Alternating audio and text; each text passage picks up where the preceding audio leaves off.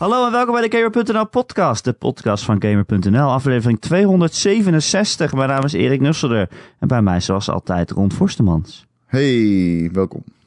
Hey, Ron Forstemans. Hoe is het met jou? Het gaat, het gaat. Hoe gaat het met jou? De beste Ron Forstemans uit de game-industrie. Zoals Zo. ik jou vaak noem. Ja, zo word ik vaak genoemd in deze kringen. Ja. Er is nog zo'n andere Ron Forstemans. Die is echt, niemand mag hem. Die kan echt helemaal niks. Nee, niemand mag hem. Maar ja, deze Nee. is echt top. Dit is top of the shelf, Ron Vostermans. Je weet wat je krijgt als je deze hebt. Deze hebt. Besteld. Precies. whatever. Ja. Wauw, we hebben een goed gevulde show, Ron. ja, zeker. Denk ik. Ja, we hebben lang overlegd over wat er allemaal in moet. Dus eh, Ja, het hebben wel een nokkie vol. Ik hoop We- dat we genoeg tijd hebben. ja, ik ook, ik ook. We gaan het zien. Er is veel nieuws. Er zijn veel games. Oeh, Nou, zijn ja. niet veel games, maar we hebben wel Nieuws, games gespeeld. We hebben games gespeeld. Er komen games aan. Release data. Er zijn allemaal mensen die dingen vinden van dingen. Het is echt weer een. eh, Oh. Het is weer zo'n. eh, zo'n zo'n. Meningen. Ja, en, en over streamen gesproken trouwens. We hebben het eh, nu live. En dat is ook weer een nieuw. Hallo, luisteraars. Ja, als je ons steunt in de Patreon, dan kun je, de, eh, als we het gaan opnemen in de podcast, kun je live eh, meeluisteren via onze Discord. Dat is wel leuk, toch? Ik Ja. weet niet, volgens mij is het leuk. Het Zeker, staat het gewoon is leuk. open. Het is, maakt Ja. niks uit. Het is Ja, eigenlijk het kanaal waarmee we altijd opnamen staat nu gewoon open. Daar kun je gewoon in. Dan kun je een beetje meeluisteren. We hebben wel heel eh, onregelmatige en wisselende opnametijden. Ja. Dus het is nu bijvoorbeeld zaterdagochtend 10 uur.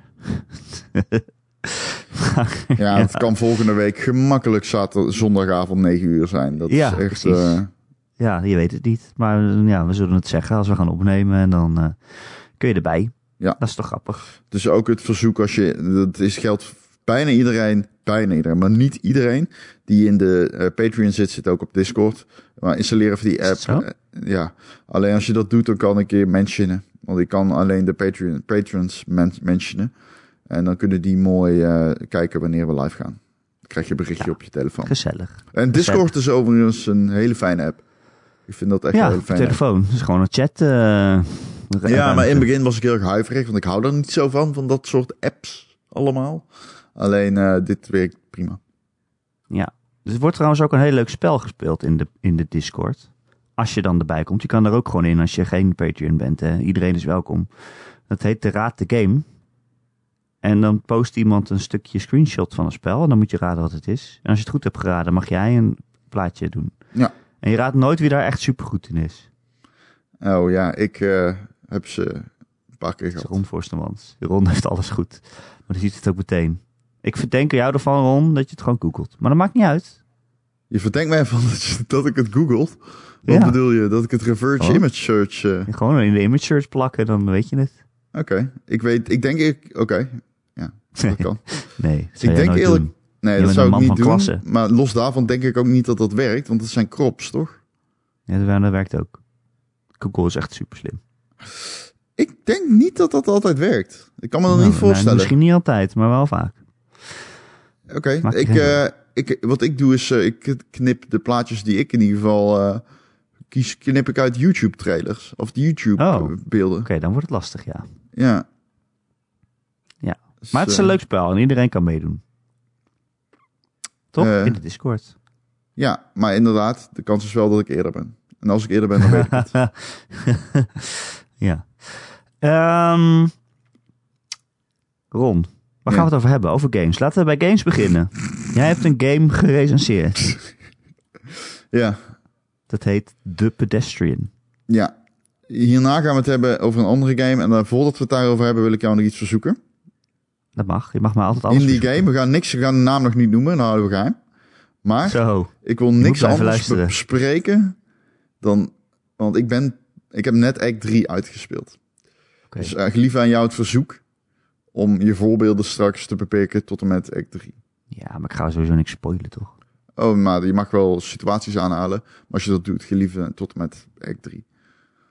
Ja. Ehm, The Pedestrian is een hele andere game. Die doet niet aan acts. Eh, misschien ken je dat gifje dat heel erg... eh, nou ja, veel... eh, gedeeld werd op Twitter en andere sociale media. Dat is een gifje van een klein stokmannetje, stickmannetje. Hoe zeg je dat? Wat is het? Zo'n stickman, ja. Een stok, een ja stokmannetje? Stok, stokmannetje. is dat een. Nederlands woord? Ja, in ieder geval zo'n klein mannetje dat ook op de wc-afbeeldingen staat. En stikmannetje noem ik het maar eventjes. En die heeft, eh, zo noem ik het ook in de recensie. Ik heb de game een 8 gegeven. Jezus. Ja, ja dat, is, b- dat is echt hoog voor mijn doen. Ehm, en waarom? Omdat eh, de stijl van die game is als volgt. Ja, het is gewoon een puzzelgame. Dus je hoeft niets anders van die game te verwachten dan puzzelen. Ik dacht in het begin dat het een platformgame was. En waarom? Nou, je bent dus dat stikmannetje. En dat stikmannetje loopt eh, door een stad. Maar hij loopt niet gewoon over straat. Zoals je misschien nu voor je ziet. Maar hij loopt ehm, over, door borden heen over de straat. Dus hij ziet, dus je ziet verkeersborden en ehm, eh, monitoren waarop traminformatie staat. Of ehm, ja, eh, ver- krijtborden en zo. Ehm, daar loopt hij doorheen. Als stikmannetje. Het is zeg maar dan. Het is driedimensionaal, maar die borden zijn natuurlijk 2D, want het zijn borden. En zo ga je van bord naar bord en trek je door de, sta door de stad. Dus je ziet een trammonitor. Daarna vertrek je over zo'n bord dat onder bij een standbeeld staat.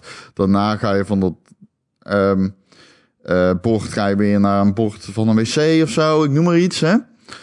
En zo trek je dus van bord naar bord over de straat heen. Je doet bouwplaatsen aan, je doet wc's aan, je doet de metro aan. Op een gegeven moment bestuur je zelfs de trein als stikmannetje.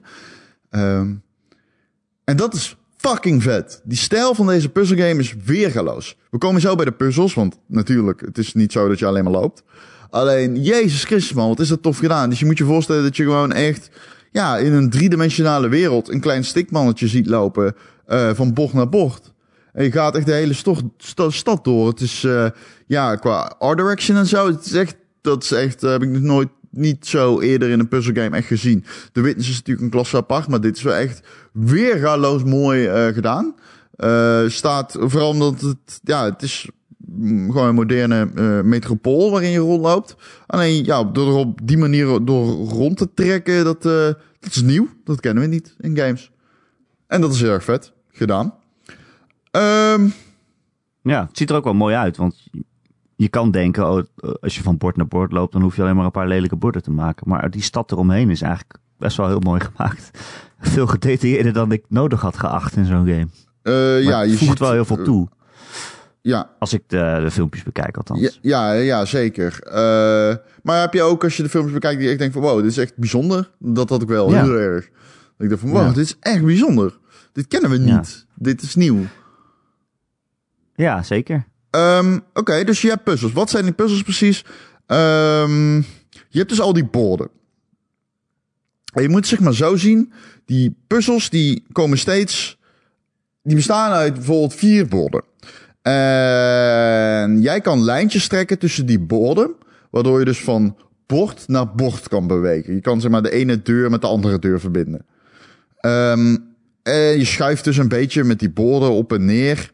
Totdat je, zeg maar, ehm, een route hebt gepland naar de uitgang. Van het begin naar het einde. Nou ja, je kan niet, terwijl je door de ene deur gelopen bent, nog een andere lijn trekken met de andere deur en zo. Want dan, dan, dan, dan begin je weer opnieuw. Ehm, maar je hebt dus een hele... Je, je, bent steeds bezig met deduceren van... Oh, als ik dit doe, dan kan die daardoor en dan kan die daardoor. En des te moeilijker, des te verder je komt in de game, des te meer variabelen er worden geïntroduceerd. Dus uh, je krijgt veren waarop je kan springen. Je krijgt tandwielen die je moet schuiven. Um, je krijgt lasers die je moet blokkeren of moet uitzetten. Je hebt ladders. Op een gegeven moment heb je zelfs portalen. Dan kun je een bord over een ander bord heen slepen. Zit er zeg maar een gat in het bovenste bord en daardoor drop je uh, stikmannetje naar het andere bord.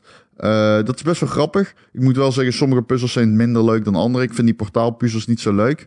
En ik vind, um, um, uh, zeg maar, waarbij je echt het ruimtelijk inzicht nodig hebt, dat vind ik veel toffer. Uh, dat kan ook komen omdat ik een heel goed ruimtelijk inzicht heb. En dat gewoon meer mee heb. Ehm, ehm, en dan heb je nog puzzels, dat zijn de hub puzzels. Dus dan heb je een Game Boy, een oude Game Boy, die je paraat, te, dat is eigenlijk de hele game lang. Probeer je, heb je van die grote puzzels, die allemaal uit kleine puzzels bestaan. En dan krijg je een item van, en da- dat item sleep je naar een oude Game Boy. En zo probeer je de Game Boy aan de praat te krijgen. Het zijn, er zijn zeven van die grote puzzels. Ehm, ik kon niet laten om toch één keer puzzel te zeggen. ja, ik hoorde hem. Ehm, de Pedestrian is geen lange game. Ik denk dat je ongeveer vijf uur ermee bezig bent. Maar los van dat het heel erg mooi is en dat ik die, die, die, ik vind het puzzelen zelf echt super leuk om te spelen. Doen ook, sorry. Ehm, is het gewoon echt een lekker flow in de game. Het is gewoon heerlijk om even op te pakken en gewoon even een paar eh, puzzeltjes eruit te knallen en daarna weer door te gaan. Het is gewoon lekker behapbaar. Eh, het is dus heel erg mooi.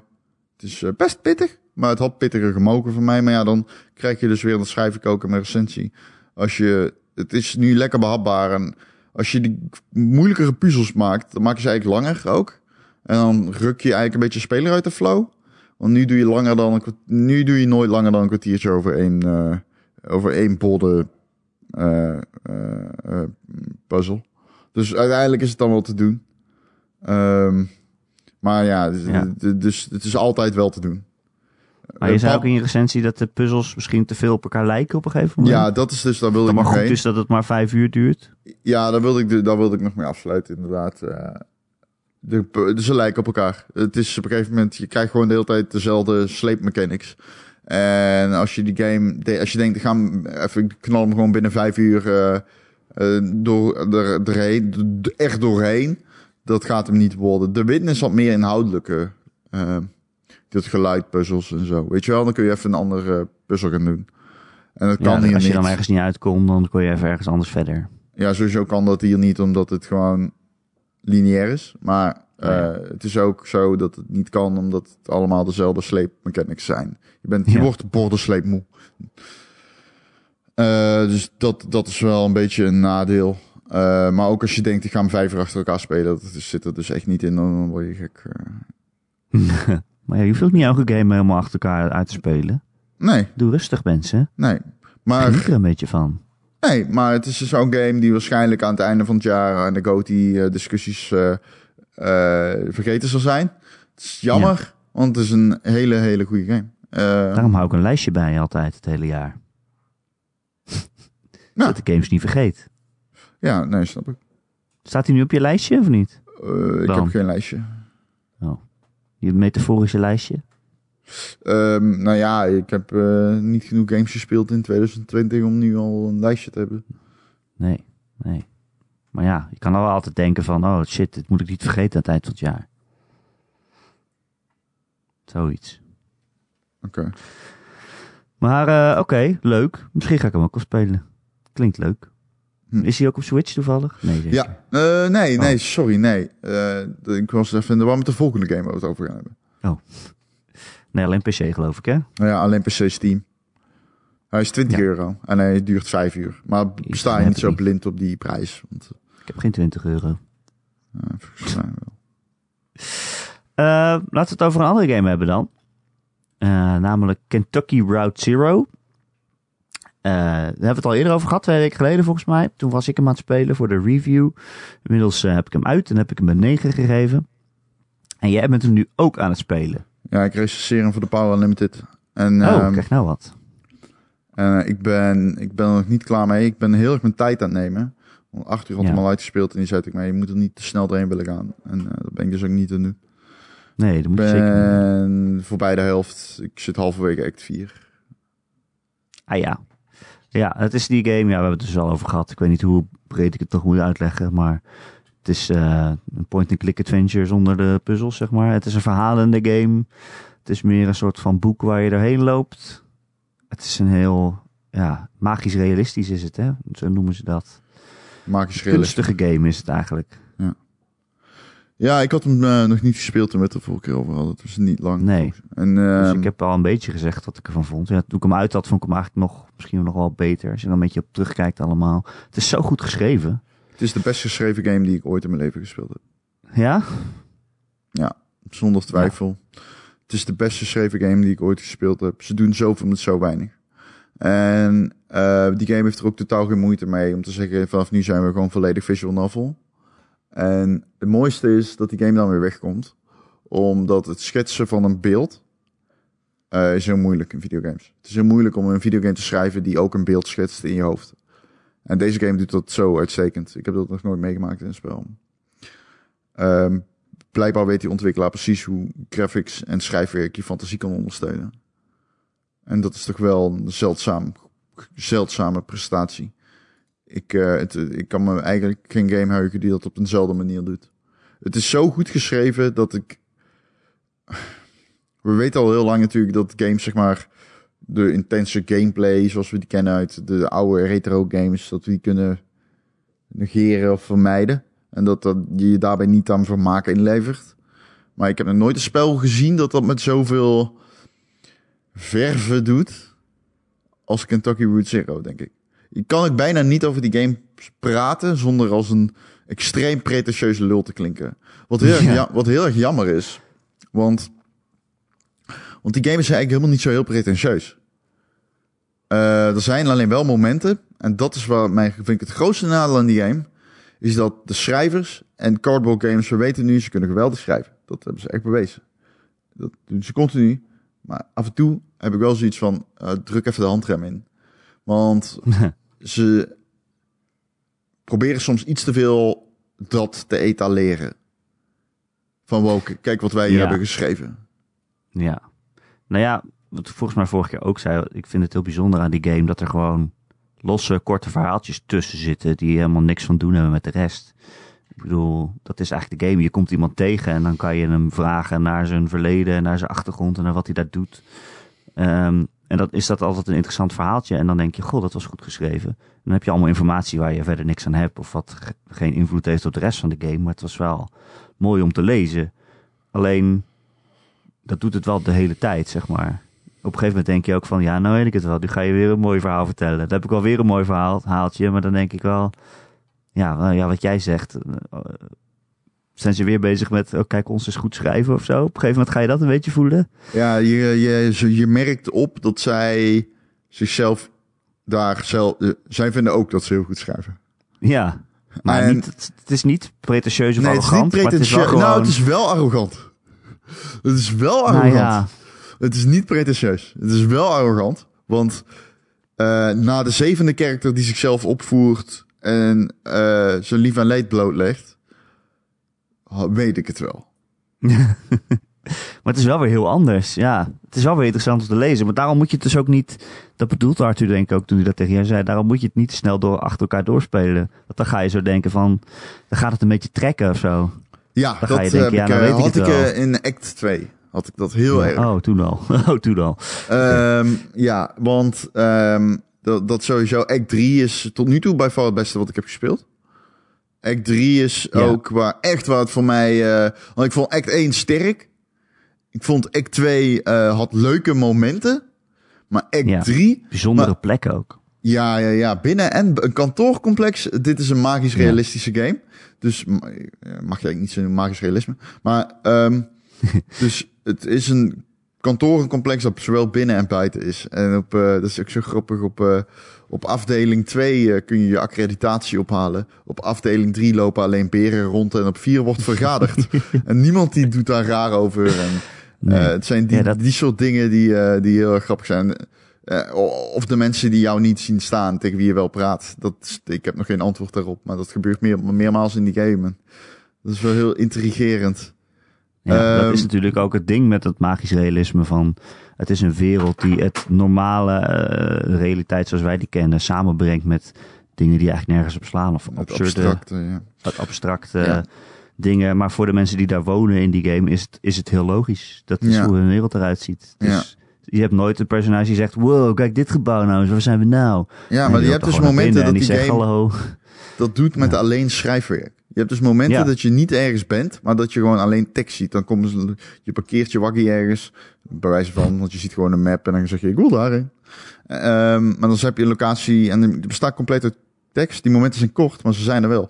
Maar dat resulteert dus in een game die zich, als je daarover nadenkt, die zich eigenlijk net zoveel heeft afgespeeld op het scherm als in je hoofd. En dat doet die game ook met stijl. Hè? Die personages hebben geen gezichten. En die textures zijn heel ruw. En die geluiden soms zijn heel creepy, maar die zijn, voeren de boventoon. En soms de camera is belangrijker dan de dialoog ook. En dat doet die game heel goed. Het is echt een digitaal boek. Ja, En dat is het. dat is zo vet gedaan. Eh, want normaal zou dat saai zijn. Maar dat is het niet. Het is niet saai. Het is gewoon fucking vet. En dat is wel echt heel erg goed gedaan. Ik heb dat nog nooit, nogmaals, nog nooit eerder gezien. Plus het feit dat die game bij vlagen compleet Twin Peaks gaat. Ehm, Ja. Dat is zo heerlijk. Eh, waarom zweeft er een vogel in de lucht, weet je wel? Waarom, eh, is die, waarom doet die robot alsof hij een mens is? Maar kunnen we heel even naar act 3. Ja, Er zitten als ik momenten... nog weet welke act welke was. Ja, act 3 is dat je die eh, Junebug en Johnny licht kennen op die Oh, motor. ja. Het zijn twee robots, ja, het zijn twee robots, maar ze impliceren, leggen eigenlijk nooit uit waarom de robots zijn. Het zijn muzikanten. Op een gegeven moment, eh, er zit een moment in die game, dit is niet echt een spoiler, maar het is een moment waarvan zij duidelijk willen dat het heel veel indruk op je maakt. En dat is een moment waarop, dat is duidelijk, dat, dit is dus iets wat, ik te- wat mij een beetje tegenstaat in die game. Een beetje hoor, niet helemaal. Niks staat mij echt tegen in die game. Ik vind het fantastisch. Maar ehm, dan ga je met hen naar een, naar een bar. En in die bar heb je heel interessante dialoog met de barman. Vervolgens gaan zij zingen op het podium. En dat ziet er visueel redelijk tof uit. De dak gaat er letterlijk af en dus je ziet het achtergrond sterren vallen. En vervolgens kies jij de lyrics van het nummer wat zij aan het zingen zijn. Gaande, gaandeweg, pardon. Ik had daar heel erg bij van, ja, oké. Dit maakt niet de impact op mij, die je duidelijk wel wil dat het op Oh. mij maakt. Ehm, maar dan later kom je in een situatie. ehm, dat ga ik niet zeggen wat dat gebeurt, maar ik ga wel tegen jou zeggen: Xanagu. Ja. En toen had ik echt: holy fuck, dit is zo goed gedaan. Nou, dat vond ik, dat maakt dan wel- weer de impact op mij. En die muziek. Ik heb denk ik de helft van de tijd kippenvel gehad, Erik. Terwijl ik dat, die, had je dat niet? Met die Ja, ik vond het super mooi, maar enge ik vond dat optreden eigenlijk ook wel heel mooi. Maar die, die, die tonen van die, eh, van die computer en holy shit, hey. Man, dat was... eh, balanceerde echt tussen super creepy en fucking intrigerend of zo. Ik, ik vond het heel eng. Op een goede Ja. manier. Ja, maar het is, dat is ook weer een andere manier eh, van een verhaal vertellen. Dat vind ik zo knap aan die game. Dat het heel creatief is in de manier waarop het jou iets vertelt. Want je kan gewoon ergens heen gaan en dat er dan een stukje tekst is die vertelt wat, wat, wat daar gebeurd is. En dat gebeurt, dat doen ze ook vaak. Maar af en toe eh, hebben ze ineens een heel andere verhaalinsteek. Dan eh, wordt het verteld door wat andere mensen achteraf over jou zeggen. Zo van als je bijvoorbeeld in een museum loopt en dan eh, het verhaal wordt verteld door andere mensen die naar de bewakingscamera kijken. Of nee, of die achteraf vertellen van wa- wa- wat jij daar deed. Dan hoor je iemand zeggen, ja, hij kwam met mij praten en toen ging hij het daar en daarover hebben. Dat is dan wat jij gedaan hebt. Ja. Eh, steeds een heel andere invalshoek of een manier om een verhaal te vertellen. Dat vind ik wel knap. Ja. Ja, het is mooi. Maar ja, ik had dus wel zo rond eh, act 4 of zo inderdaad, wat jij zei, van dat het een beetje begon te trekken. Zo van, ja, nou weet ik het wel. Maar dat komt dus ook omdat je het inderdaad niet te snel achter elkaar moet spelen. En dan moet je eigenlijk ook de geschiedenis van deze game daarbij wel een beetje rekening mee houden. Want de eerste episode kwam, de eerste twee episodes kwamen in 2013 uit, na een Kickstarter. Toen zat er iets van twee jaar tussen tot de volgende, en toen weer twee jaar. En, en nu pas is Act 5 uit. Dus er zit echt zeven jaar, zeven jaar overheen gegaan. Dat is ook best wel bijzonder eigenlijk. ja, maar ik vind dat niet per se een goed argument. Nee, dat is niet van als je het nu gaat nee, spelen. niet om het kwijt te schelden, maar ik bedoel, ik vind dat Nee. niet een logisch. Dat, dat, dat, dat, dat, daar kunnen ze, dat heeft niks te maken met de geschiedenis. Dat heeft gewoon te maken met dan een slecht. Dan heb je gewoon ehm, een slecht schema gemaakt. Want Ja, maar ik bedoelde ook van. Als zij in 2013 horen van. Oh, dit spel is echt fucking goed geschreven. Van dit en dit en dit. En zij moeten nog helemaal de rest maken. Dat, dat ze dat al bij hen ook mee gaat spelen of zo. Dat ze dan denken. Oh, we moeten nu wel dingen goed schrijven. En stukjes ertussen. Want dat is wat mensen leuk vonden of zoiets. ik moet wel lachen, want de hele tijd terwijl ik die recensie zelf aan het schrijven was, dacht ik, oh, kut, nu ben ik ook wel heel erg pretentieus aan het schrijven. ja, dat had ik precies hetzelfde. Maar ja, ik heb het maar omarmd. en, en ik schreef systematisch per ongeluk Kentucky Fried eh, eh, Zero. Echt waar. Ja. Oh, heerlijk. Kentucky Fried Zero. Oh, dan heb ik honger. Ja, die game bestaat echt bij de gratie van het alfabet. Ik moet wel zeggen, als je eh, niet houdt van trage spellen... Die game bestaat bij de gratie van het alfabet. Oké. Als jij geen, ehm, als jij geen eh, zin hebt om veel te lezen, dan, dan kun je het vergeten. Nee, precies. Ja, het is echt geen game voor iedereen. Het is heel anders dan games waar wij het normaal over hebben, zeg maar. Ja. Je moet er wel Nou, zin in hebben. Het is niet iets waar we het normaal niet over hebben per se. Het is gewoon een Nee, ander tempootje. Het is heel anders dan de meeste andere games. Met een duidelijk begin en een einde en een verhaal en een eh, verhaalverloop en personages. Dat je kan zeggen, als iemand aan jou vraagt, waar gaat deze game over? Dat je dan in twee zinnen een antwoord kan geven, zeg maar. Dat kan bij Kentucky Route, Route Zero niet echt. Ja, je kan het wel zeggen. Je kan wel zeggen, ja, het gaat over een eh, vrachtwagenchauffeur die een pakketje probeert te zorgen in een magische eh, realisme wereld. Maar dan heb je niet echt gevangen wat de echte game is, zeg maar. Nee. Nee. Maar goed, ja, bijzonder. Ik ben blij dat jij het ook leuk vond. Eh, ja, het is wel een game die een beetje... Het is zo'n mij-game. Als het sfeer en goed schrijfwerk combineert, dan komt het wel goed. Ehm, Ja, precies. Eh Ron, Ja. zullen we nog wat nieuws behandelen? Of heb je zoiets van, fuck de mensen en het nieuws? Of niet? ehm, Waar wil jij het nou over hebben, Ron? Vertel dat eens. ik ga Sonic zien. De film, of de egel. De egel, ja. De egel. Ik ben ook wel benieuwd, maar hij draait dus niet in Leiden. Ja. Zo kut is die film blijkbaar. Maar ja. Eh, nee, hij, hij, schrijft, hij krijgt wel enigszins positieve recensies om. Dus eh, ik ben benieuwd of jij het leuk vindt. Ehm, nou, ik heb ook wel wat negatieve recensies gezien, hoor. Ook. Ja. Ehm, maar ik heb hem nog niet gezien, dus daar kan ik eigenlijk niet over praten. Nee. Oké. Ehm, laten we het hebben over de E3. Waarom? Daar hebben we het al vaker over gehad. Want eh, Sony heeft natuurlijk eh, gezegd dat ze niet naar de E3 gaan. En deze week is weer een beetje het, eh, het balletje gaan rollen naar richting de ondergang van, eh, van deze mooie beurs. Ehm, alhoewel, misschien is het ook wel niet zo groot nieuws. Maar eh, Jeff Keighley, die komt niet. Eh, en dan denk je, ja, boeien misschien. Dat is, eh, dat is die gast, ja, die produceert en presenteert eh, allemaal van die gameshows. Hij heeft natuurlijk de Game Awards aan het eind van het jaar. En hij deed ook al een aantal jaar eh, eh, de E3 Colosseum. Waarin hij dan eh, eh, ontwikkelaars ontving en eh, interviewde op een podium. Ja. Maar hij slaat dit jaar de E3 over. Hij zei, ik kom er al 25 jaar. Wat vind jij Eh. daarvan? Want ik heb daar nou dus niet echt een mening over. Ben ik heel eerlijk in. Ik vind het dus echt een gigantisch teken aan de wand. Kijk, Oké. toen Sony E3 skipte, toen zeiden wij tegen elkaar, Maar hij is toch oké, concurrent? wat is hij? Hij concurreert toch eigenlijk met de E3? Hij Ja, moet toch uitgevers toch overhalen om het te laten zien, niet op de E3, maar bij hem? Ja, maar ja, ik bedoel, twee keer in het Ja? jaar zo'n moment, dat is ook wat te doen. Twee keer zelfs inderdaad. Ik dacht alleen maar om, eh, kijk, voor Sony, we hebben toen gezegd, het kost superveel geld om op de E3 te staan. En ze halen er gewoon niet meer uit wat ze willen. Dus daarom stoppen ze ermee. Het kost meer geld dan dat ze eh, er impact mee hebben. En dat kunnen ze ook zelf op een goedkopere en een andere manier doen. Maar Jeff Keighley is iemand die wordt betaald om daar te zijn.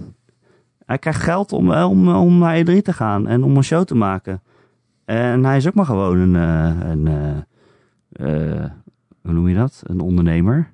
Dus hij slaat dit af.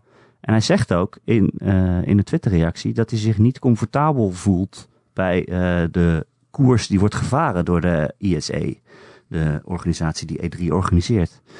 Dus uh, als hij zegt, ik voel me daar niet comfortabel bij om, om, om dit jaar eraan mee te doen, dan denk ik, oké, okay, wat zijn ze dan aan het doen? Dat hij zegt, uh, eh, I'm not comfortable. Ik bedoel, dit is de gast die naast een zak Dorito chips en een uh, fles Mountain Dew zat om, uh, om geld te verdienen. Ja. dus als hij er een, soort van ethisch probleem mee heeft, dan wordt het toch een probleem. Maar is nou, het ethisch? Voor... Nou ja, of hij is het gewoon niet mee eens met de kant die het opgaat. Dat lees ik er althans uit. Ik heb en, meer de indruk dat hij het gewoon niet de moeite meer waard vindt om erheen te gaan. En ik denk nogmaals dat hij ermee concurreert.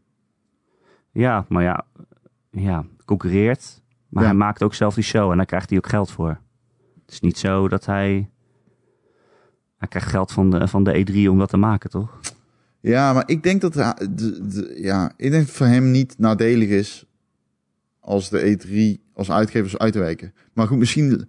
Kijk, ik denk dat het voor hem niet nadelig is als meer mensen besluiten dat de, e, dat de Game Awards een goed moment is om dingen te tonen ten opzichte van de E3. Denk nou ja. ja, ik link het vooral naar alle dingen die zijn uitgelekt over wat de E3 wil doen. Ik bedoel, dit, het hele pitch deck wat vorig jaar werd uitgelegd, wat een soort van uh, brei aan buzzwoorden was en uh, dat ze ervaringshubs willen maken en dat ze buzz en FOMO willen creëren en dat als je in de rij staat dat je dan uh, geactiveerd kan worden, dat er dan bedrijven reclame tegen jou aan kunnen maken. Ja, nee, dat... ook wat ze toen zeiden, reactie op dat... toen Sony niet kwam, toen zeiden ze van Nee, de E3 is nog steeds een geweldige beurs met allemaal activations. Ja, we hebben, ik heb die statements voorgelezen in ja. de podcast. Uh, ja, activations betekent overigens vooral dat je je marketing uh, kan uh, ja, je bent een potentiële klanten die geactiveerd kan worden om Nee, nee, nee. Dat is niet wat het is. Nee, nee.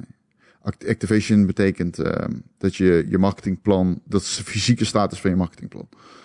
Um, maar los daarvan, maar het maakt niet uit, want je hebt ook volkomen gelijk. Natuurlijk, waarschijnlijk is het daaraan. Nou ja, het is op zijn minst zeker daaraan te linken, zeg maar. Dus uh, of er nog iets naast, naast bestaat, dat kan altijd nog. Maar natuurlijk ziet hij de berichten en weet hij meer dan wij. Uh, ik vraag me nu al weken in de podcast af in hoeverre de E3 nog het E3 is zoals wij dat kennen. Oké, dus ik zie het zeg maar zo. is gewoon niet meer. Ik zie het zeg maar zo. Hè? Ik, zij willen meer de kant op van de Gamescom. Zij willen in ieder geval meer de kant op van een beurs die er ook is voor consumenten. Vroeger was de E3 uh, bijna vulgair in zijn commercie richting journalisten. He, je had echt grote shows en stands en mensen konden kickboksen of met celebs op de foto gaan. Uh, dat konden journalisten en uh, uh, mensen die in trading werkten, die konden dat gaan doen op de E3. Um, ehm, nu sta je heel lang in de rij en is het idee dat je meer dingen kan kopen op de beurs en handtekeningen kan laten zetten en zo. En dat is een beetje het idee dat de E3 heeft, de, de, de, de, de, de, de ESA. Um, ISA. Alleen weet je wat het is? Eigenlijk is de E3 zoals die er vroeger was veel leuker voor consumenten dan de E3 die ze nu voor consumenten aanmaken zijn. Ja. En ik kan me gewoon niet voorstellen dat jij als consument heel veel baat hebt. Want een van de dingen die ze willen doen is meer games speelbaar maken. Maar hoe ga je dat doen? Nou, de oude games er neer te zetten. Want het is compleet niet wat mensen willen natuurlijk. Je wil het gevoel hebben dat je exquisite bent. Dat je daar bent en dat je exclusieve shit gaat spelen. Je wilde E3 was vroeger, je zag het op de game sites als kind. En toen dacht je, wow, daar wil ik later ook heen. Ik wil ook al die nieuwe shit spelen die nog niemand anders gespeeld heeft. Dus als je dat niet kan leveren, ben je dan nog wel relevant als gamebeurs? Misschien. Maar dan ben je niet meer relevant als, als dan ben je niet meer, je, je, je levert dan die exclusieve status in. Want de real shit gebeurt dan nog altijd achter de schermen voor de pers. En niet op de beursvloeren waar je de DLC kan spelen van Dead Cells. Ja. Maar dan word je gewoon een soort, soort packs, toch? Dan word je meer een soort van plek waar de community elkaar kan ontmoeten en zo. En er zijn, Maar PAX er zijn heeft het beter aangepakt, toch? Ja, Want zeker. PAX heeft tig, tig, tig, tig talloze events rondom zijn beursvloer gepland. Maar dat En bedoel ik ook. Als je nu de E3 bent en je wil nu een soort PAX worden, dan lig je 20 jaar achter. zo, dat. En je, je, je, je hebt die frictie van, oh, we zijn een super hyper exclusieve evenement met de aankondigingen, aankondigingen en exclusieve games. Maar als we publiek binnen gaan laten, kunnen we dat niet aan zich leveren. Nee. Nee, dus er komen de mensen op de naam E3 af, omdat ze gehoord hebben dat dat een soort van gamer Valhalla is met allemaal dingen, allemaal persconferenties en dingen die nog niet aangekondigd zijn, die zijn er dan voor het eerst speelbaar. Maar dan kom je daar, dan is dat het eigenlijk niet meer. Nee, dus als jij zegt, ik denk dat hij dat meeweegt, dan denk ik dat je gelijk hebt. Dat, dat lijkt me wel. Ik denk dat iedereen dat meeweegt die insider is. Ja. Maar als ik dat weet, weet hij dat ook. Ja, als je denkt, ga ik heel veel tijd en moeite investeren in de E3, dan slaat dit jaar kennelijk eh, de balans door naar nee. Ja. Maar ik, heb, Ja. ik vertrouw, ehm, hij, doet, hij, hij heeft hard werk. Altijd geleverd. En nou, het is super knap en ik ken hem niet persoonlijk. Maar ik vind gewoon, hij heeft zich te vaak zo opgesteld op een manier dat ik niet weet of hij het voor... Hij is iemand die ontzettend veel betekent voor een medium. En het, de vertegenwoordiging ervan, daar speelt hij een hoofdrol in. Dus ik wil hem zeker niet tekort doen. Maar ook, ik kan zijn belangen niet inzien hierin. Ik vind hij oh speelt ja, een ik, dubbele rol, eh, een beetje. En ik, ik, ik, vind de hele persoon Jeff Keighley niet zo eh, interessant of hij wel of niet naar de E3 nee. gaat, heel eerlijk gezegd. nee, ik wil hem ook niet als lichtend voorbeeld van de gamejournalistiek voor voorzetten. Zo van, Nee, zo, maar oh, zo zelfs hij niet. gaat niet. Daar is hij ook niet eh, Want, journalist in. Hij is geen nee, journalist. en hij, hij zit gewoon in een game die hij dan vervolgens nomineert en de hele tijd Hideo Kojima op het podium roept. Ja, maar, en awards geeft. omdat- ja, ja, ja, ja. Ah, ze hadden er Maar maar één gewonnen. Maar ze hadden er twee hè? gekregen, hè? Dus, eh, En hij zit zelf niet in de jury, zegt hij dan. nee, nee, klopt. Dat geloof ik dan ook wel weer. Nee, dat is zo. Eh, we, ehm, Maar ja, als Kojima dan een kwartier op het podium mag vertellen over dat je kan plassen in, in, in die game, of zoiets, dan eh, denk ik wel, ja, oké, dat zijn vrienden van elkaar. Dat is Mhm. handig. wel Ja, nee, ik bedoel het- dus niet zo van, hij is een lichtend voorbeeld, maar wel van, oké, dit is wel een grote naam. Het is wel iemand die als ambassadeur voor games wordt gezien. Het is iemand die er elk jaar is. Hij, er komt er al een kwart eeuw, hè, komt er al 25 jaar en nu gaat hij er niet heen. Ehm, hij heeft gewoon een baan, een, een, een, een klus afgeslagen eigenlijk, omdat hij er niet heen wil. En dan denk ik toch wel, oké, dat is wel een soort van teken aan de wand. Niet dat het mij nou boeit dat Jeff Keighley er niet is. Het is niet dat ik denk, oh nee, eerst Sony en nu Jeff Keighley. Dan zou ik nog kijken. Nee, zo Nee. is het niet. Nee, oké. Maar het is wel een soort van, ja, een teken. Ik snap je. Een teken. Ehm waar zullen we het nog meer over hebben, Ron? Ja. Je hebt, ik had wel verwacht dat je een grap, een woordgrap, iets van komt Jeff Keeney of zo. Maar, Nee, dat is te slecht. Nee, nee, het is absoluut niet onder jouw niveau. Nou, Nee, nou, nee, nee. nee. Ik kan nog niet, twintig keer na- nou zeggen, zeg ik nog twintig keer nee. nou, Nee, nee. nou, Mm, mm, mm. nou. Nope. Eh, er was nieuws over Need for Speed, Ron. Eh Need for Speed wordt al een tijdje gemaakt door eh, Ghost Games. Dat is een studio in Zweden volgens mij. Dit is opgericht speciaal om Need for Speed te maken.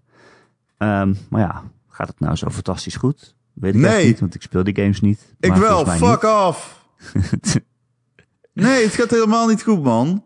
Kom maar, die nieuwe for Speed was oké als je het best. En zelfs dan, nee, die was ja, helemaal ik niet oké als je het best. Ik hoor het alleen van, ik heb het van horen zeggen. Nou, geloof mij maar, die game is niet leuk. Dit heeft niet meer wat het had. Het is gone. Het is verworden tot een half race-spel. Half, hoe kunnen we deze licentie nog relevant houden, test. Het is gewoon niet tof. En ehm, ik denk dat ze veel beter die licentie aan de kant kunnen schuiven. En gewoon een hele vette racegame moeten gaan maken. En er daarna de naam niet voor Speed op moeten plakken. Of gewoon erin leunen met gewoon vol geloof. eh, we gaan het doen. En dan ik, en we, en ze bedoel ik, is dan eh criterion.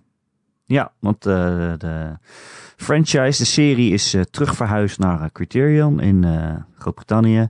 Die hebben ja, hiervoor games gemaakt. Hè? Hot Pursuit het was hun laatste, geloof ik. Nee, nee, Hot Pursuit was niet de laatste. Dat geloof ik niet. Nee? Oh, nee, die hebben de Burnout gemaakt. ja, nee, klopt. Ja, ja. Hot is Pursuit was inderdaad de de laatste game eh, in de serie. Achter Burnout. Ja. Nee, Most Wanted was hun laatste, sorry. Uh, ik haal die altijd door elkaar. Ja, ja. Logisch. Het is allemaal snel. Uh, ja, het is allemaal allebei ook nog uh, politie. Ja. Maar um, ja, klopt. Dus um, dat is interessant voor ons dan, hè? Om de simpele reden dat wij niet heel veel hebben met racegames. Maar, kijk, niet voor Speed en Burnout. Iedere gamer vindt dat wel vet. Uh, zeg ik nu, even hardop. Ik weet niet, heb je het? Iets? Nou, een beetje race is altijd leuk.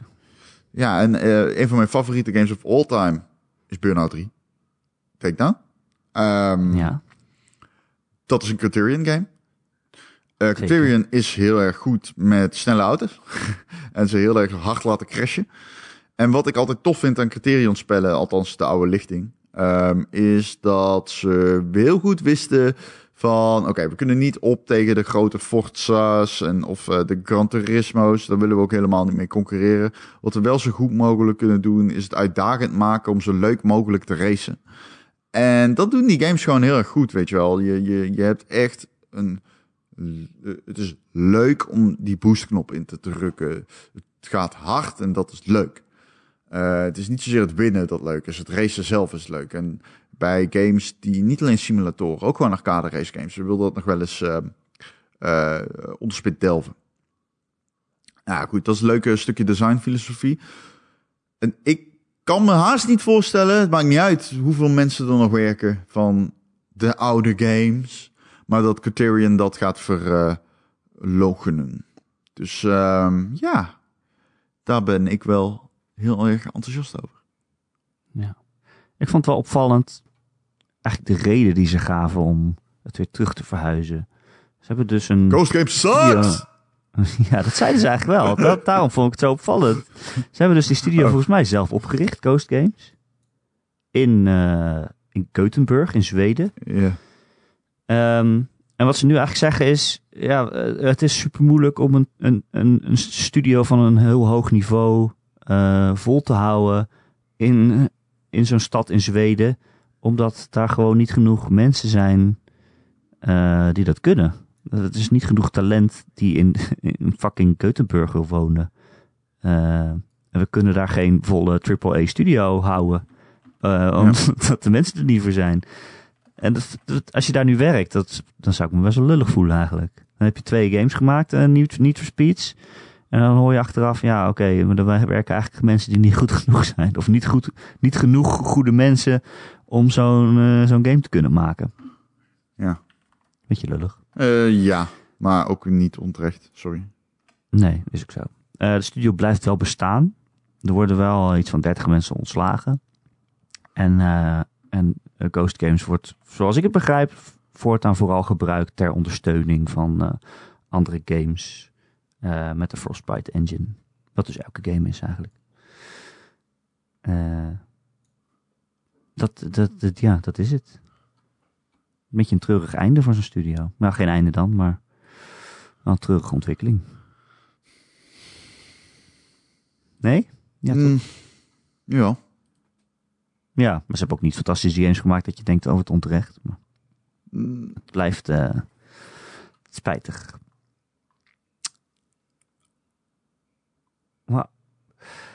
Uh, Half-Life Alex heeft een uh, release date, Ron. Ja. Heb je al een VR-bril gehaald? Voor 23 maart? Uh, ja. ik ga er een halen. Echt? Ja, ik ga er een halen. Ik uh, denk dat het een Oculus Rift wordt. Wow. Ga je een Oculus Rift halen? Ja, of een Go. Ik, uh, of sorry, geen Go, heet die. Um, de Quest. Quest, ja. Ja, ja het is nog steeds. Dat zou ik zeker doen. Ja. Je kan de Quest gewoon met een kabeltje op je PC aansluiten. Dus, uh, ja, daarom. En die heeft veel betere, veel makkelijkere sensoren dan uh, de Oculus Rift. Die zitten in de bril zelf. Dan hoef je niet allemaal uh, sensoren op te hangen en zo. Fucking Ja. cool. Ga je er echt een halen? Ja, ik ga er echt in halen. Ja, waarom zou ik Wauw. Eh 23 maart, dat is mijn trouwdag. Ja, dat is de dag dat ik eh, mijn wervel scheurde. ja. En dan zit ik in Nieuw-Zeeland, dus eh, ja, dan kan ik hem niet meteen spelen. Nee, ik zal eh, in de podcast eh, uitleggen waarom ik hem leuk of niet Kut leuk vind. vind. Ik hoop dat er allemaal podcasts komen dat, er, dat het gewoon alleen Ron is die een uur praat. Nou ja, ik sluit niet uit dat het een keer gaat gebeuren. Ik bedoel, als ik niemand kan Een regelen. uur is lang, hè? Ja, valt er mee voor mij, joh. Onderschat mij niet. ja, dat is ook zo. Eh, Ron, wat ben jij nog aan het spelen? Eh, ik zit op dit moment in eh, Kentucky Route Zero nog. En ik wil niks er doorheen spelen. Ik heb nog wat Tarkov gespeeld. Ik ben benieuwd naar die Dead Cells DLC. Ehm, Ik vind het moeilijk om nu weer Dead Cells te gaan spelen. hij zit er meteen in. Ja? Het is zo lang geleden dat ik denk... Wil ik dan dan weer naar terug of zo? Wil ik dat wel? Maar ja, het is wel een van de beste games natuurlijk. Van 2018. Ja. Oké.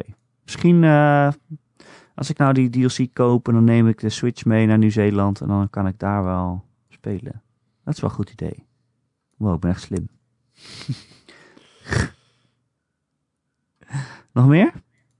Eh, nee. Ik Jawel? heb The- The Witcher 3 uitgespeeld, Ron. Ben je niet trots op mij? Eh, wow, dat is inderdaad wel een dingetje. Ik heb hem helemaal uitgespeeld. Het was best wel lang, volgens mij. Ik weet niet eens hoeveel uur ik er nou precies in heb zitten. Ik denk 60, 70 of zo. Maar ik ben ook heel slecht in dat schatten. En ik kan het ook nergens zien, volgens mij. Dus eh, ik heb geen idee. Maar wa- ja, wauw. Het is echt een prachtige game. Ik snap dat iedereen daar zo hoog van... zoveel lof eh, over uit. Die hele wereld is zo groot, maar wel geloofwaardig of zo. Iedereen die je tegenkomt heeft een eigen verhaaltje en komt door dorpjes heen en er zijn allemaal arme mensen en die hebben dan een witcher nodig. En dan heeft het hele dorp geld bij elkaar verzameld om van een monster af te kunnen komen. Ja, ik zou zelf dan zeggen, weet je wat, ik doe het gratis. Maar Geralt is wel iemand die zegt, ja, Witcher doet nooit iets gratis. Dus je moet eh, geld ontvangen. Dat is nou wel zijn baan, dat is zijn, zijn levensstijl. Maar ja, het is echt zo goed geschreven. Dat ik eh, eigenlijk niet snap dat andere mensen nog open wereld games durven maken. Wow. ja, ja. Als je zoiets hebt als, eh, als Horizon of zo, dat je denkt, er zit gewoon een open wereld bij om, een- om het een open wereld game te maken. En je komt wel bij een leuke stadje en bij leuke plekjes, maar het is niet logisch. Het steekt niet logisch in elkaar. Het is ook allemaal niet per se leuk om te doen of zo. Ehm, dan, The Witcher is gewoon veel beter op, op dat vlak althans. Hè? In het, het ontwerp van de wereld en gewoon bedenken van... oké, hier wonen mensen, wat betekent dat voor mensen... dat ze in zo'n afgelegen dorp wonen, midden op een berg? En wat voor mensen zijn dat dan? En wat voor verhaaltje zit er dan achter? Dan speel je misschien wel een simpele fetch quest... of iets waarin je naar een lijk loopt en dan een spoor volgt met je Witcher senses... en dan kom je bij de slechterik uit en dan is de quest weer afgelopen. Maar er zit wel een soort van verhaaltje achter, zeg maar, het dialoogje daarvoor en daarna wat je hebt, is dan wel dat je denkt, nou, ze hebben echt al hun best hierop gedaan. Ja. Het is wel, ik vind, ja, het is wel echt een hele goede game. Eh, ik vond het einde oké. Ik vond eh, de elementen die bepalen wat voor soort einde je krijgt, vind ik redelijk onzinnig. Ik weet niet of ik daar alleen in ben, maar het voelt alsof je heel willekeurige keuzes maakt. En op een heel willekeurige manier is dat dan goed of slecht. Ja. Maar eh, ja, dat je denkt, oké, ke- kennelijk was dat een goede keuze. Maar goed, ik heb wel een aardig goed eh, einde gekregen, dus eh, prima. Ehm, ja, het is een heel groot game, een heel eh, een, een episch avontuur, zoals ze dan zeggen. En, ja, je kan ook alleen maar de main quest spelen. Die vind ik dan eigenlijk niet zo interessant, het verhaal. Maar het is juist die hele wereld eromheen. En alle verhaaltjes die je daarin kan vinden. Dat is veel bijzonderder. Je moet niet proberen om alles te spelen. Want volgens mij word je dan helemaal gek. En dan denk je ook van, Ja. ja, nou weet ik het wel. Nee, Als geloof je al die vraagtekentjes afgaat, dan, eh, dan is het Dat ook is die game, hè? Dat is ook wel een beetje die game. Want, want dus, eh, dat boek van Jason Schreier, die schrijft ook van ja, op een gegeven moment dachten we, we maken hem 100 uur. En toen bleek die 200 uur te zijn. Ja, ja, ze waren toch ook bang om gewoon gebieden leeg te laten of zo. Dat ze dachten, oh, hier moeten we nu ook iets maken. Eh, Hier sorry. moeten we dan een monsternest zetten of zo. Sounds super legit. Ja, ik weet niet. Ik vind dat niet super veel toevoegen. Dat... Kijk, mijn hele kaart staat vol met vraagtekentjes. En eh, ik bedoel, er zijn mensen, ja, zoals Lara, mijn vrouw, die, die wordt daar zenuwachtig van. Die moet Je al die bedoelt jouw vraagtekentjes af. Mijn vrouw. Die moet al die vraagtekentjes af en alles doen wat er te doen is. Want anders heeft ze het gevoel dat ze het niet goed doet. Of dat ze iets mist. Of dat ze het niet helemaal af heeft gemaakt. Maar ja, ik had het vroeger ook. Maar nu, ja, ik laat die vraagtekens maar een beetje zitten. Ja, misschien als ik er toevallig langskom. En sidequests natuurlijk wel. Maar dan ben je ook al honderd uur bezig, joh. Dat is ook wel vet genoeg.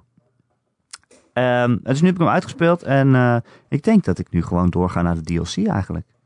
Want eh, iedereen zegt dat die ook heel goed geschreven is. En dat dat eigenlijk gewoon nog een hele extra game is. Dus ik ben daar wel benieuwd naar. Ja, Witcher. Witcher, Witcher, Witcher. Ehm, en daarnaast ben ik begonnen aan Children of Morta. Dat is een eh, game die op Game Pass staat. Dus ik dacht, ik ga het eens proberen. En het is een roguelike ehm, action RPG. Ja. Dus het is een beetje een, soort eh, roguelike Diablo. Eh, voor zover ik het begrijp. En je speelt als een familie die met z'n allen, eh, ja, weet ik veel, een kwaadaardig iets gaan verslaan. En dan reis je als een van hen eh, de kerkers in. Eh, je hebt allemaal verschillende personages en die hebben allemaal verschillende vaardigheden. Je hebt eentje met een zwaard en een schild. En je hebt ook iemand met een boog. En de rest heb ik nog niet vrijgespeeld, want ik ben pas net begonnen. Maar die kan je ook allemaal, eh, ja, die verdienen allemaal ervaringspunten. Die gaan allemaal levels omhoog. En dan wordt de game steeds makkelijker hopelijk. En dan kom je steeds verder. Ik ga altijd het dood bij de eerste baas. En dan word je weer teruggeteleporteerd. En dan eh, kan je weer opnieuw beginnen. Sounds legit, ja. Ja, en ik denk, eerst dacht ik van, oké, dit is wel interessant, maar ik neem gewoon dit ene personage met zwaard en schild en ik ga daar gewoon die game in spelen.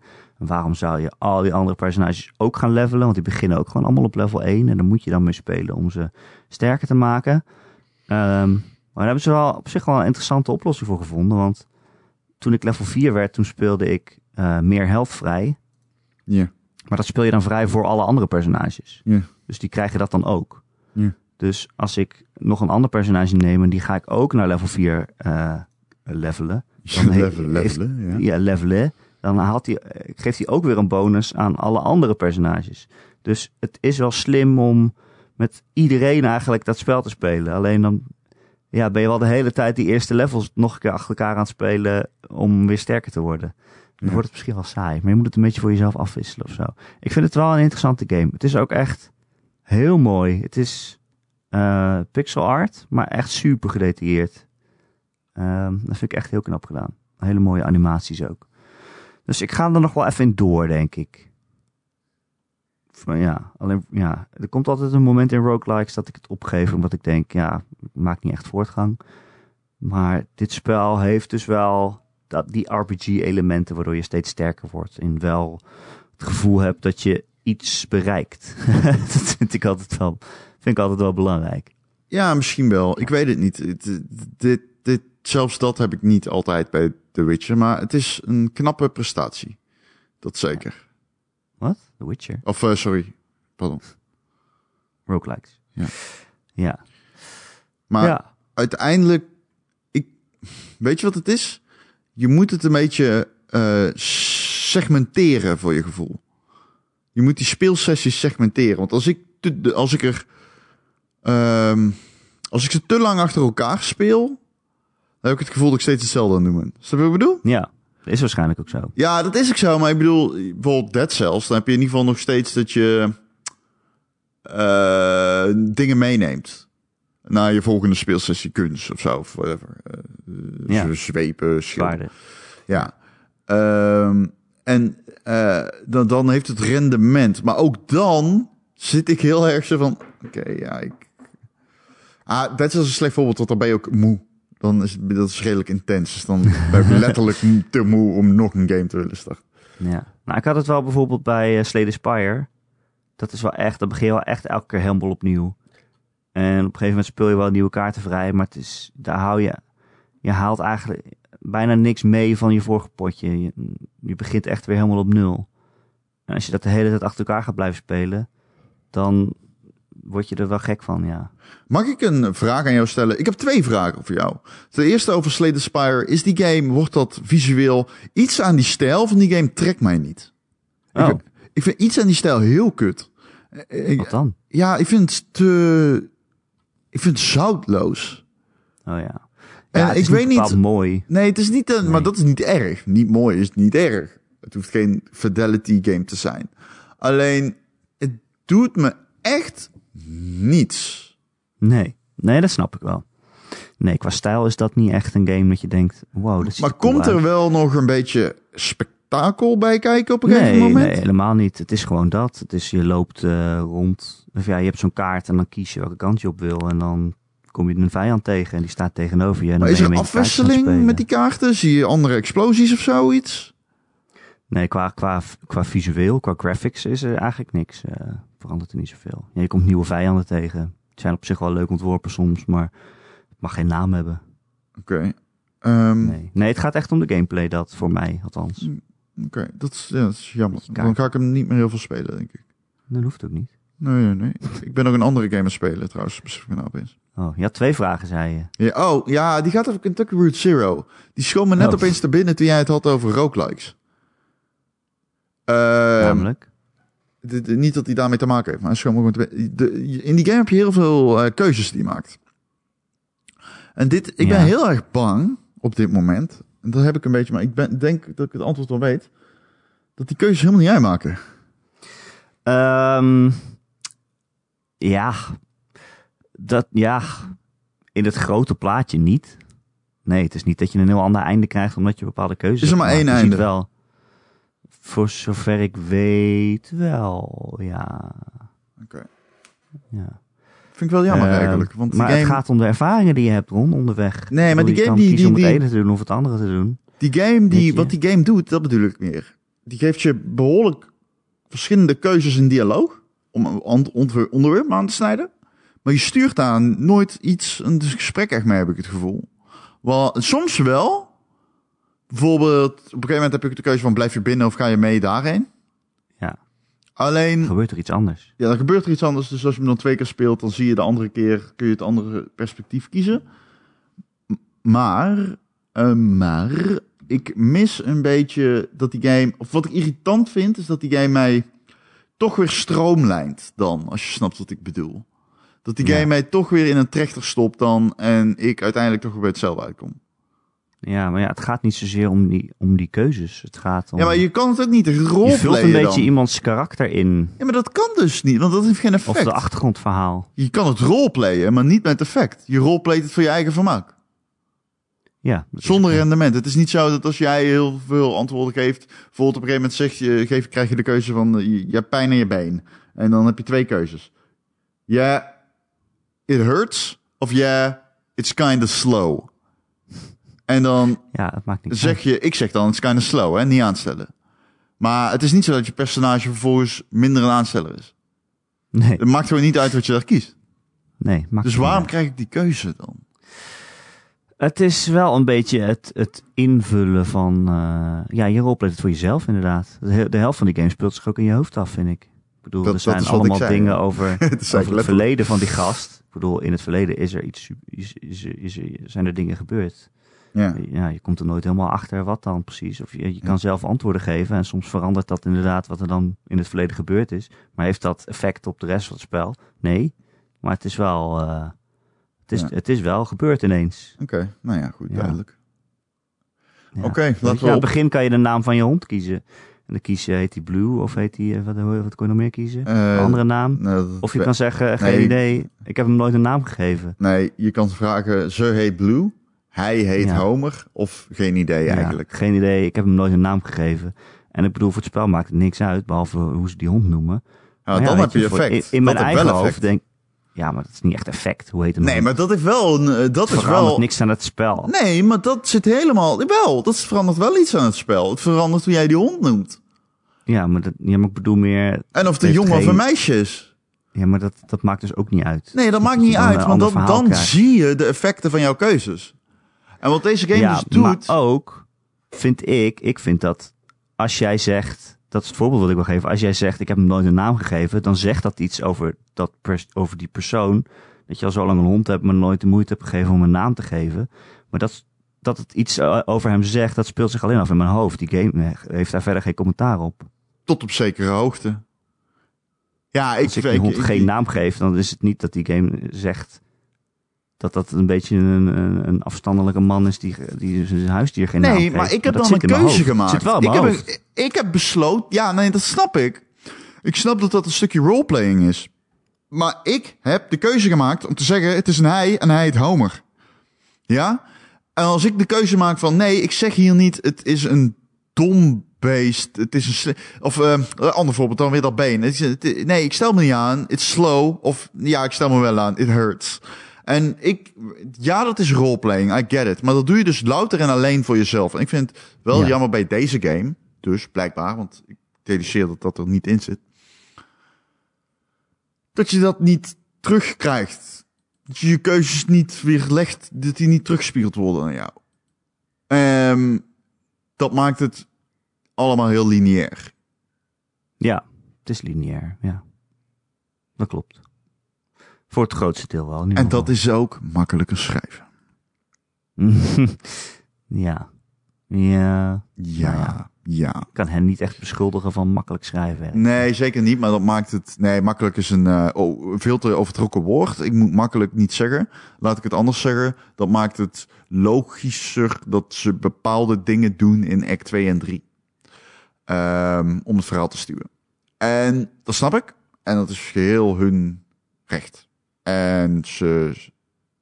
Ik zal niets anders kunnen zeggen dan dat het heel goed geschreven is. Want het is echt niet zo dat ze laconieke houding hebben ten opzichte van we, we, rammelen, we rammelen even deze dialogen doorheen.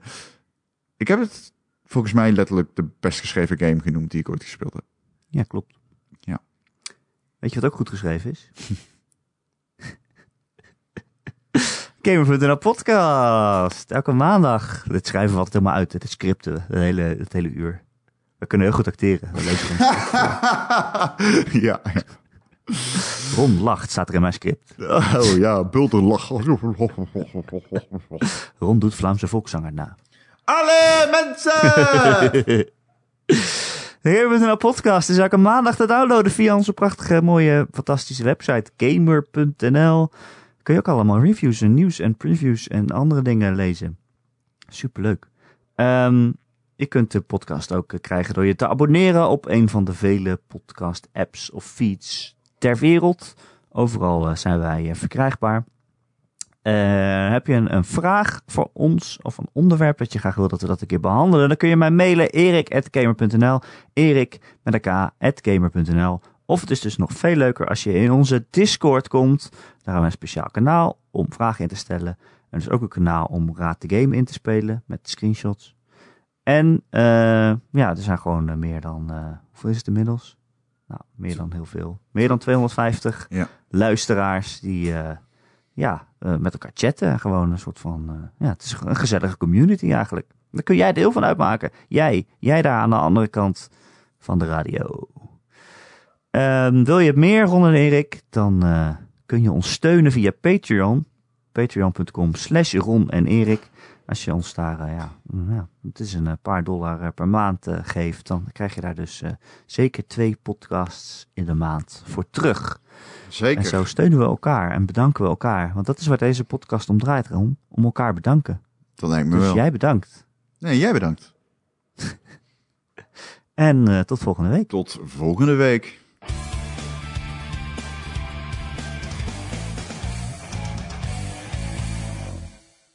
Ehm, ik weet de naam al van deze podcast. Hoe heet hij dan? Wat is de beste game ooit geschreven? Vraagteken. Oh. Of dit is de beste game ooit geschreven. Ehm, even denken. Tussen aanhalingstekens. Nee, nooit tussen aanhalingstekens. vraagtekens in kop eh, slecht zijn. nooit, nooit. Nee, niet tussen Nooit, aanhalingstekens. nooit, Gijs. Nooit altijd een iets tussen aanhalingstekens zetten. Nooit doen. Fuck it. Niet doen. Niet doen. Fuck, fuck die stijlregels. Gewoon, want eh, dat gaat, wij willen alleen zoveel mogelijk bekeken worden. Dus eh, gewoon, eh, alle trappings mag je gewoon misbruiken van mij. Echt, serieus. Of doe, klik Mijn hier voor de beste game ooit Dus, eh, Dan mag geschreven. het echt. Nu- Nummer 4 zal je verbazen. Dat gaat, ja, voor de lol mag je het nog doen ook. Doe het maar. Nee, nee, nee. nee, nee, nee. Nee, nee, natuurlijk niet.